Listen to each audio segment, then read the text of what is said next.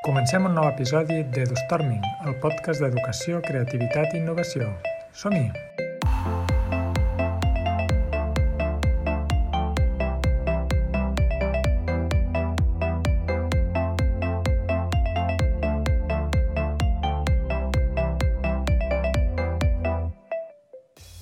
L'episodi d'avui parlem amb Anna Forés, doctora en Filosofia i Ciències de l'Educació, especialista en Educació Social, Resiliència i Neurodidàctica.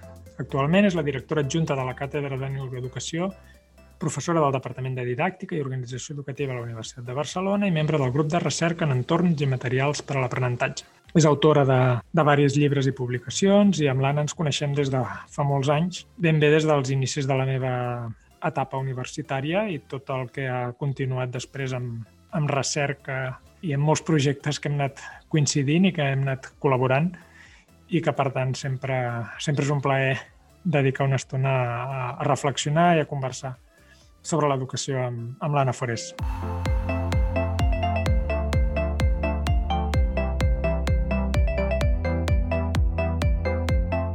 La formació del professorat és un element clau per tal que els nous professionals ajudin a transformar i adaptar el sistema educatiu a les necessitats actuals i de futur. En quin moment ens trobem? en quin moment ens trobem en, en tant la formació del professorat o en, o en el context en el que estem? Clar, crec que el context és molt significatiu per quin tipus de, de formació s'està donant i si és la correcta o si s'ha d'anar adaptant, no? Sí, Home, jo crec que al moment que estem, o sigui, si estem ja en un entorn més buca, no? més de, de volatilitat i ambigüitat i, i amb bueno, incertesa no? i complexitat, eh, doncs justament ara encara més, no? I això el que demana, sobretot, sobretot, sobretot, és molta flexibilitat, flexibilitat cognitiva i flexibilitat d'acció. Per tant, el que necessitem són mestres no? que siguin molt flexibles, no? i que tinc molt esperit crític, això també, per interpretar la realitat i ajudar a interpretar la realitat als nois i noies. No? I més creatius que mai, no? perquè ens haurem d'anar adaptant a les, a les circumstàncies o anar eh, preveient abans de que ens arribi. No? Sí. Quins serien aquests elements claus en la formació del professorat? Sí, bueno, una mica amb aquesta línia, eh? d'intentar eh, tenir eines no? per ser eh, el més habilidosos no? per donar resposta a aquestes noves necessitats que es vagin presentant, no? O creant contextos també eh, molt més àgils. No? Hi ha totes les metodologies àgils, no? pues també nosaltres també ser molt més àgils no? a, a, aquestes, eh, a aquests contextos o aquests entorns no? d'aprenentatge o de, també d'ensenyament. No? I després també jo crec que eh, integrant la, la comunitat, no? El que sempre hem dit, no? que l'escola no és només el que passa dins de quatre parets, no? o sigui que, no, que l'escola la fem entre tots i totes i per tant ara més que mai també és una oportunitat per, per fer-ho possible. Per tant, hauríem d'estar preparant uns, uns mestres per ser capaços de, de fer què? Quin seria l'objectiu d'aquests mestres? Jo crec que de fer eh, ciutadans i ciutadanes eh, que tinguin criteri, que tinguin ètica, no? perquè també estem en un molt, molt, molt infotoxicat, bueno, molta informació, no? I el que necessitem també és això, no? saber destriar realment si és, és una realitat o és, és una fake, no? I, i per tant, eh, mestres que tinguin criteri per poder ensenyar als seus nois i noies no? a tenir aquest criteri o esperit crític. Quins diries que, que han estat els canvis principals en els últims 10-15 anys en la formació del professorat? Si anem més enrere, jo crec que el primer gran canvi va ser tota la irrupció de la tecnologia, no? Eh, per bé i per mal, eh? perquè eh, semblava que la tecnologia anava a salvar l'educació i es va veure realment que la tecnologia no salva a ningú si no es fa un bon ús d'ella, clar. Pot facilitar o, o, o no l'educació, però jo crec que aquest sí que va ser un, un dels grans eh, elements. No? La Covid serà un altre gran element perquè ens haurà ensenyat coses que pensàvem que mai es farien en educació i s'han vist que sí que es poden fer altres coses en educació, no? Hi havia coses que eren no, mai, mai, mai, no? doncs pot, potser sí que, no? Potser sí que. Inclús ara, per exemple, hi ha estudis que ja estan demostrant que eh, fer classes amb mascaretes, no? clar, eh, te tapa tota la part emocional, no? I que inclús pots generar més emoció en un, en un context online, si ens veiem les cares, eh? perquè si no ens veiem les cares no fem res, que inclús estan presencialment amb mascareta. Vull dir que això era com impensable, no? L'online mai és no? emocionant. I, I el presencial és el que sempre, no? garantim les emocions. Doncs anem en compte perquè no, no qualsevol presencialitat estem treballant tota la part emocional, ni en tot l'online no estem treballant tot el, no emocional. No? I després jo crec que eh, això, eh, la importància de, de, del context, no? de, d'inventar-nos altres espais també que, com a educatius i fer més ponts eh, doncs, no sé, amb la biblioteca, amb el centre cívic, amb, bueno, en qualsevol dels elements públics que tenim en el context. Uh -huh. I, per exemple, en aquest, en aquest context incert de futur que, que, que s'espera, eh, deies que la creativitat seria important. En una universitat com la de Barcelona, com, com es prepara els futurs mestres per desenvolupar eines o habilitats creatives? Però jo suposo que deu haver de tot, eh? Mestres més, més posats en acció i, i mestres encara amb, amb models o referents més, eh, més clàssics, no? Eh, però jo crec que sí que ja, ja comencen a haver experiències eh, això, més disruptives, per dir-ho d'alguna manera, no? o que intenten eh, aquest aprendre-aprendre, no? treballar les competències molt més enllà no? de, dels purament continguts. Però encara hi ha molt, molt, molt per fer. jo crec que a la universitat sempre som els últims en, en moure'ns. I, per exemple, alguns eh, models d'escola que estan sortint no? de més, més vivencial, més experiencial, com, com es treballa això des de la universitat? Com es prepara els futurs mestres per entendre aquesta diversitat de, de models, de mirades, de sistemes? Clar, quan, quan parlem de la universitat, és això, és molt difícil encabir un únic model dins de la universitat. Eh? Eh, però segur que hi ha, doncs això, com veure experiències, no? com analitzar les experiències, no? o com fer pràctiques en diferents contextos, no? Eh, jo crec que aquesta aproximació a la realitat sí, sí que pot haver-hi, no? eh, o fer venir aquestes experiències a l'aula també com a, com a un models no? de, de referència. No? Però jo t'ho dic, jo crec que encara ens queda molt, eh, molta, molta humilitat per part dels profes de la universitat no? per, per aprendre també d'altres experiències que s'estan fent i que són eh, rellevants no? i que a vegades nosaltres no les tenim presents. I quins mecanismes creus que s'utilitzen per acostar aquesta realitat de les escoles a la universitat? Jo crec que bàsicament és això, eh? eh la curiositat d'un mestre, no? aquestes ganes de seguir aprenent, no? de no creure que jo ja m'ho sé tot i per tant vaig ensenyar, no? el que està en mi llibre, sinó eh, aquesta també connexió amb la realitat, no? es nota també els professors que estan connectats amb la realitat o implicats amb la realitat, no? Ja sigui, jo que sé, per exemple, en programes d'aprenentatge servei, per dir algun tipus de, de, de projecte, no? o qualsevol altre que, que impliqui també eh, o les pràctiques, no? Aquest, aquesta connexió més amb la, amb la realitat. No? Eh, no sé, hi hauria moltes coses no? per, per seguir millorant. I des de la part de la recerca, com es connecta el que s'està investigant a la universitat amb el que passa a les escoles o amb, amb, amb diguéssim, donar resposta a necessitats de les escoles? Clar, de la recerca també hi ha molta recerca aplicada, no? I que sí que intenta doncs, això, donar resposta o treballar amb les escoles directament, no? O treballar diferents propostes metodològiques aplicades a les escoles, no? com, bueno, com tu ja ben saps. No?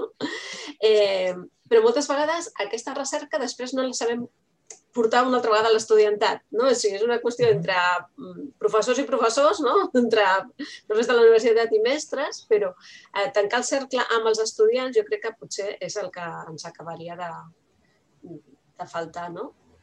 Moltes vegades això és un diàleg més entre mestres i professor.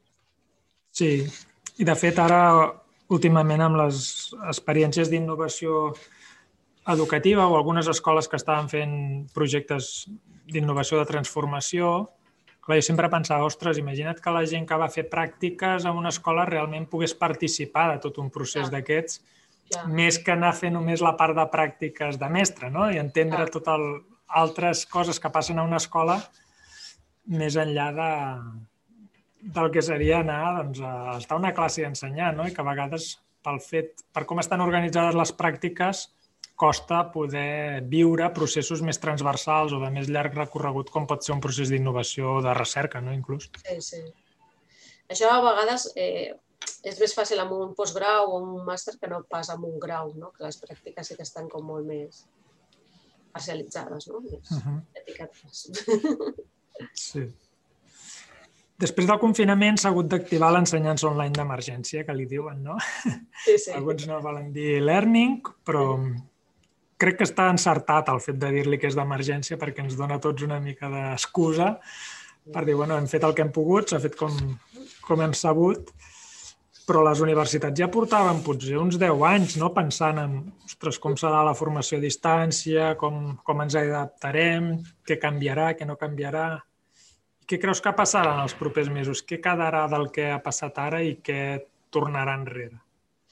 Mira, jo crec que podem parlar d'emergència justament del març al juny, però del setembre ara no és emergència.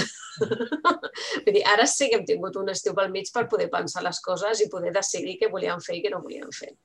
El març no, perquè va venir sobrevingut i ningú s'ho esperava i vam haver de pues, improvisar, perquè en si no, no, no havia ni marge de, de, bueno, es va fer formació a correcuita, però clar, tot va ser massa, massa precipitat.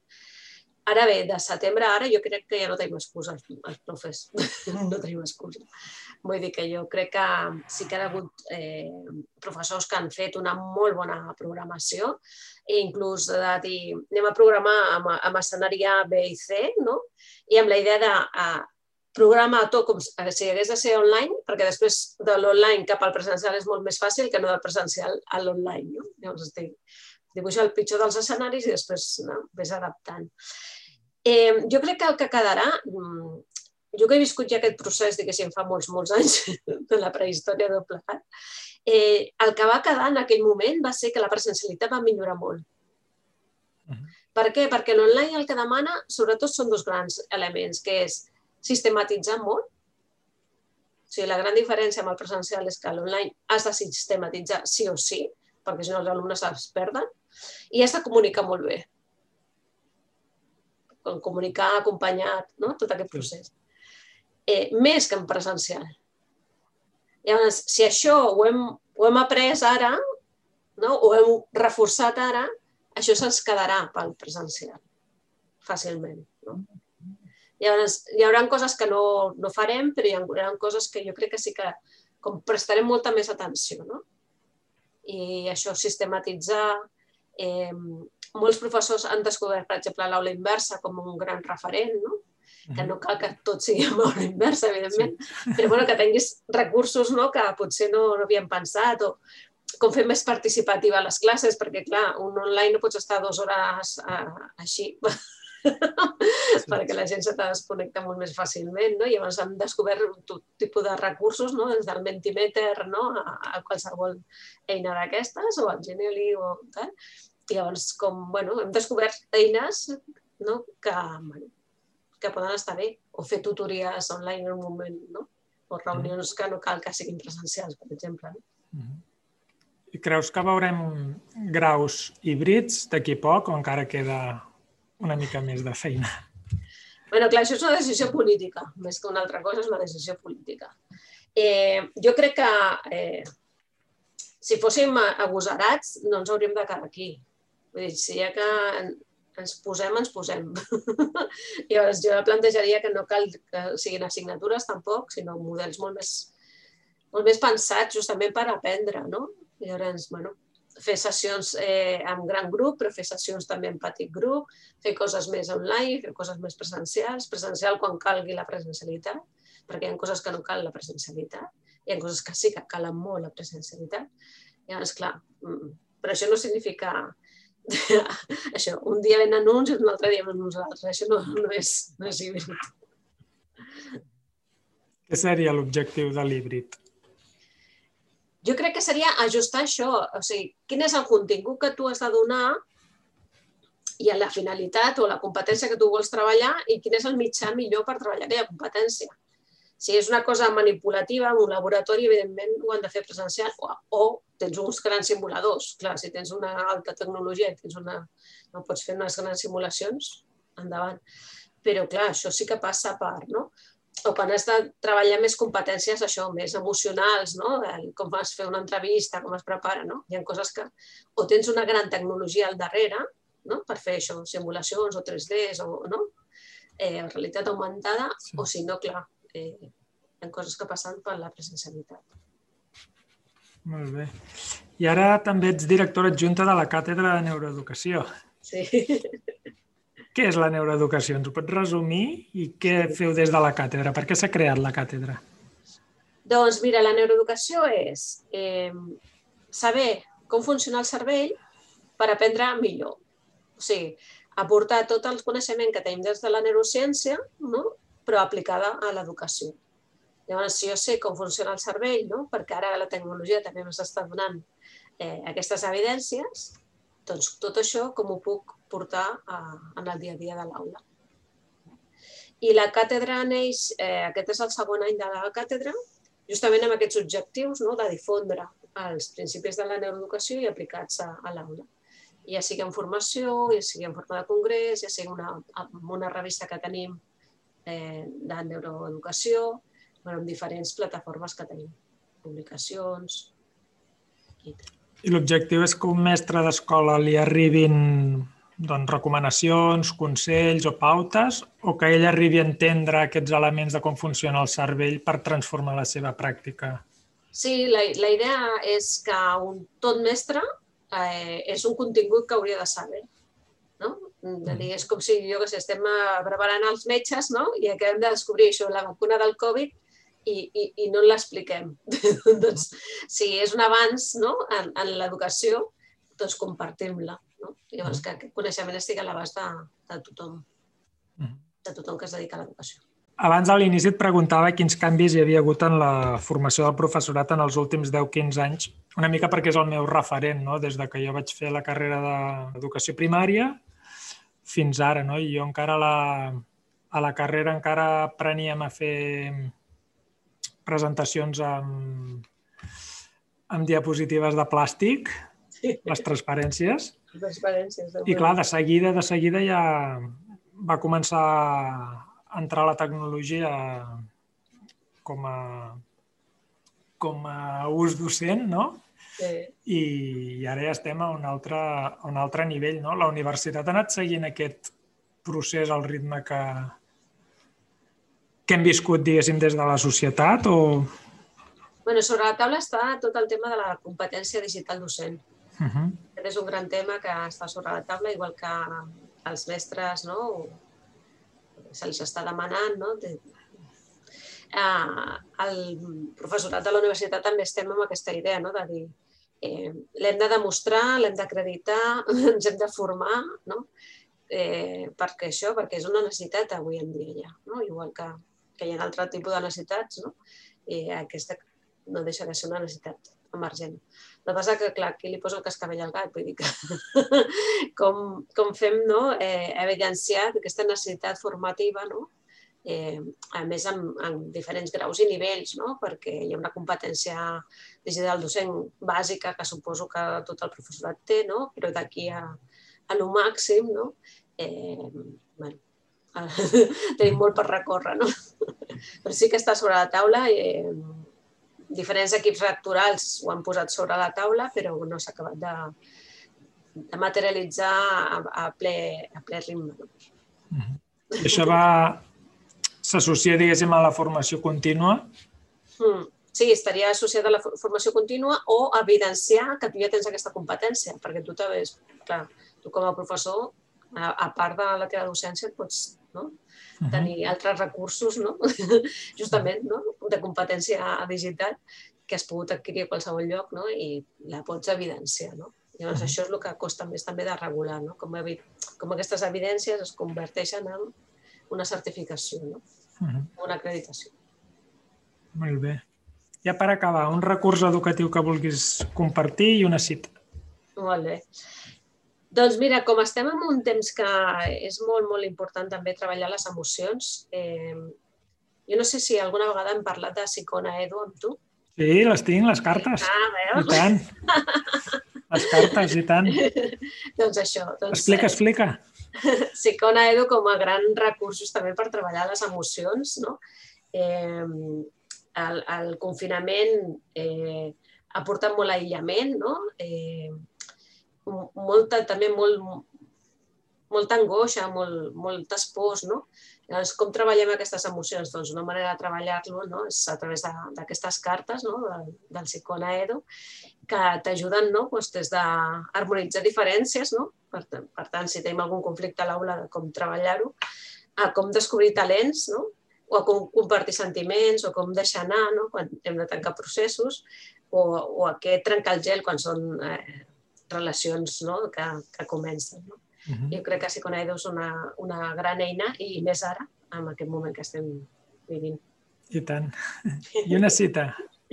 Mira, una cita. Eh, és una cita de, de l'altre dia que vaig descobrir, que és del Niño de la Pintura, que, eh, que es dedica a fer art urbà, i la cita diu som mestres del nostre passat, artesans del nostre present i aprenents del nostre futur. Jo crec que aquesta és una, una gran, una gran cita. I tant. I molt adequada pels, pels temps que corren, no? I tant. Moltes gràcies, Anna. Un plaer. Igualment, Francesc.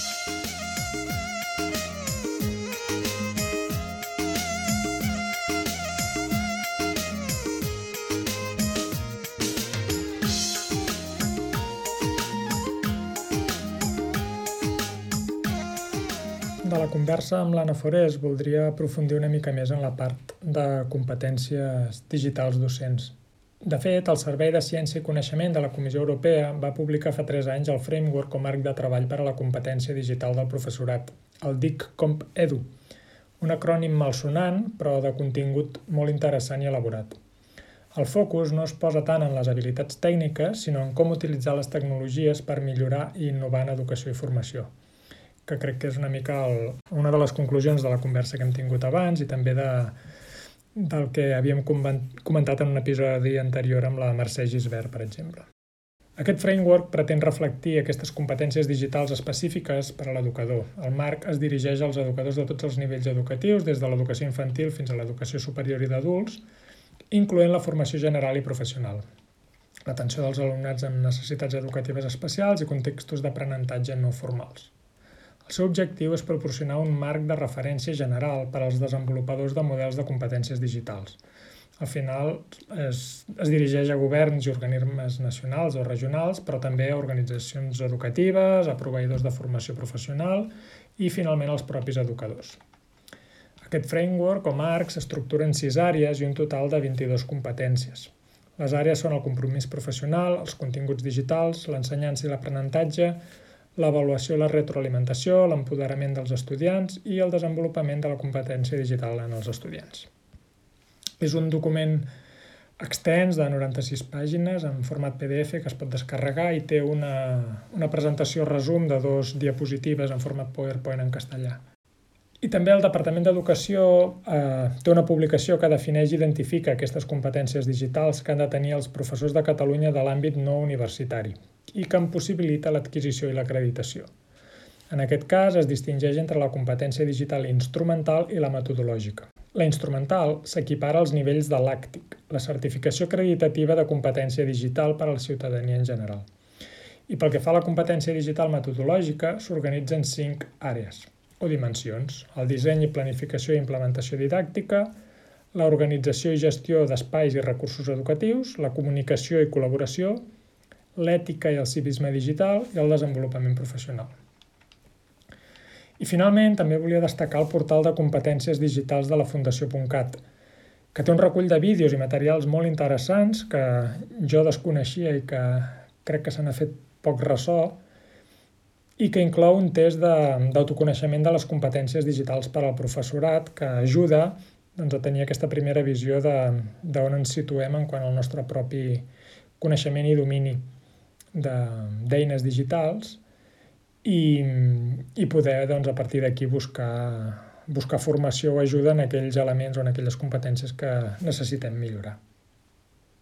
I en relació a les competències digitals, un, un context que s'ha evidenciat molt darrerament en els últims mesos eh, a partir del confinament ha sigut la part de, de l'aprenentatge, l'ensenyament i l'aprenentatge online, um, que s'ha vist que no estava, que no hi havia, s'ha vist que no hi havia prous, s'ha vist que no hi havia sistemes prou preparats per, per donar-hi resposta i s'ha donat una resposta bastant d'emergència, de, no? com parlàvem amb l'Anna.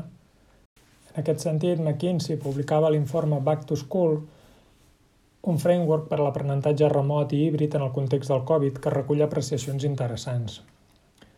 Ho divideix en, tres apartats, tres lliçons, i a la primera destaca la importància de diferenciar pel nivell de necessitat i capacitat que, que es té. No? Els educadors han entès que durant molt de temps el valor d'adaptar els currículums i els entorns de les aules a les necessitats dels diferents grups d'edat, d'estudiants i de sistemes escolars. De la mateixa manera, no hi ha cap estratègia única a l'hora de determinar un model d'aprenentatge òptim en, en una situació com amb la que hem viscut. No? Les realitats són molt diferents i també les maneres d'adaptar-s'hi quan, quan es donen situacions tan, tan imprevistes com aquestes. No?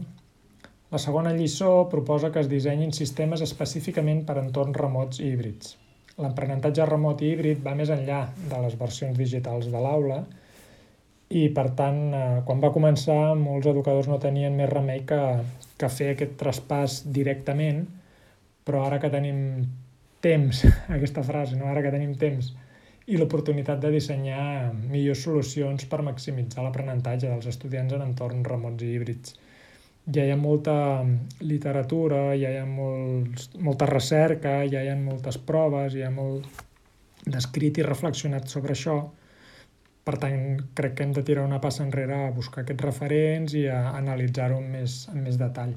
I la tercera lliçó d'aquest informe diu que les relacions són el fonament de, de l'aprenentatge no? i que les escoles són llocs on passen moltes més coses que només aprendre eh, fins i tot tenen un paper fonamental en proporcionar la nutrició, en garantir seguretat física, salut mental, benestar social i emocional, i que a mesura que els sistemes escolars desenvolupin els seus plans d'aprenentatge remots i híbrids han d'assegurar-se que no només generin confiança amb els professors, pares i estudiants, sinó que també desenvolupin aquests plans per ajudar els professors a construir eh, uns tipus de relacions amb els estudiants que afavoreixin l'aprenentatge.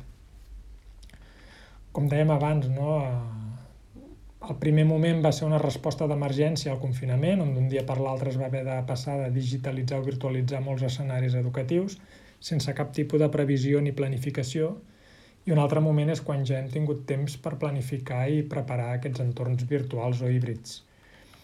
En aquest sentit, per exemple, Harvard posa a disposició diferents vídeos i recursos per ajudar a entendre aquests nous escenaris i adaptar-hi solucions o propostes. En concret, la guia Teaching Online Playbook, que examina l'aprenentatge en línia des de la perspectiva d'un estudiant i d'un educador i explora com s'han d'adaptar el contracte d'aprenentatge, els mètodes d'ensenyament, les tasques, les discussions i molt més per tenir èxit en un entorn en línia. També ofereix els enregistraments d'alguns webinars que han anat fent, parlant de, dels reptes i oportunitats de l'aprenentatge virtual, què fer perquè les classes online funcionin per tu i pels teus alumnes o com amplificar la participació amb els estudiants quan tens grans grups eh, online. A mi personalment se'm fa una mica estrany que més de 10 anys després d'haver presentat la tesi doctoral sobre eines i tecnologies per donar suport als processos d'ensenyament i aprenentatge i haver passat doncs, tots els anys de doctorat investigant i llegint i escrivint sobre això, eh, alguns discursos, discussions i problemàtiques de l'aprenentatge en línia i online segueixin sent els mateixos, no? i sembla que a nivell universitari en general s'hagi avançat molt poc. Ara veurem si aquest trasbals que ha suposat el Covid crea prou sacsejades com per començar a canviar i aprofitar les oportunitats dels entorns híbrids de manera més fluida, integrada i normalitzada. Seria un desig per aquest nou any.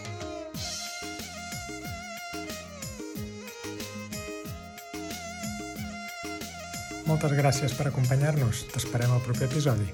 Recorda que pots subscriure't a la llista de correu i rebre tots els enllaços i recursos que hem compartit avui, així com seguir-nos a Twitter arroba edustorming13. Fins aviat!